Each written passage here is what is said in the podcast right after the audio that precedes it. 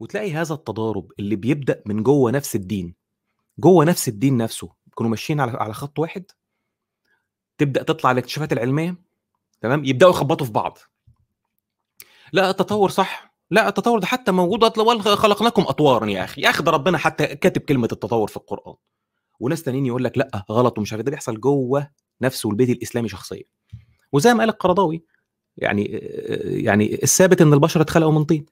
بس لو التطور حقيقة مش مشكلة يا سيدي. هنبقى نلاقي لها سكة كده ونأول الآيات.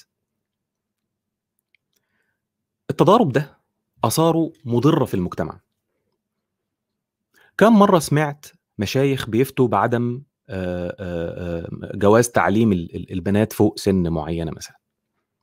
كم مرة شفت بوستات مثلا على عالمة سعودية مثلا وتلاقي مشايخ كاتبين تحتها هيفيدك بإيه العلم والجوائز العلمية ديت وأنت مش محجبة كده يوم القيامة. كم مرة بنات كان بيبقى ليهم طموح إن هم يكملوا تعليمهم في جمهوريات الموز بتاعتنا دي ومش بيعرفوا بسبب الفتاوي دي.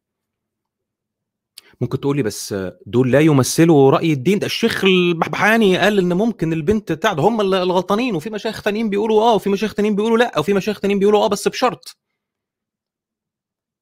كل ده صح. وهي دي المشكلة أصلا.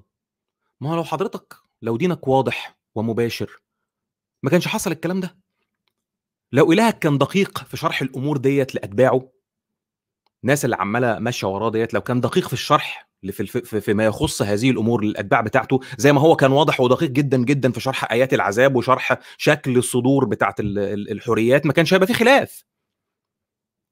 المشكلة مش في المشايخ اللي فهموا غلط وفشخوا المجتمع. المشكلة في الدين الغامض اللي اداهم التربة الخصبه للخلاف المضر ده.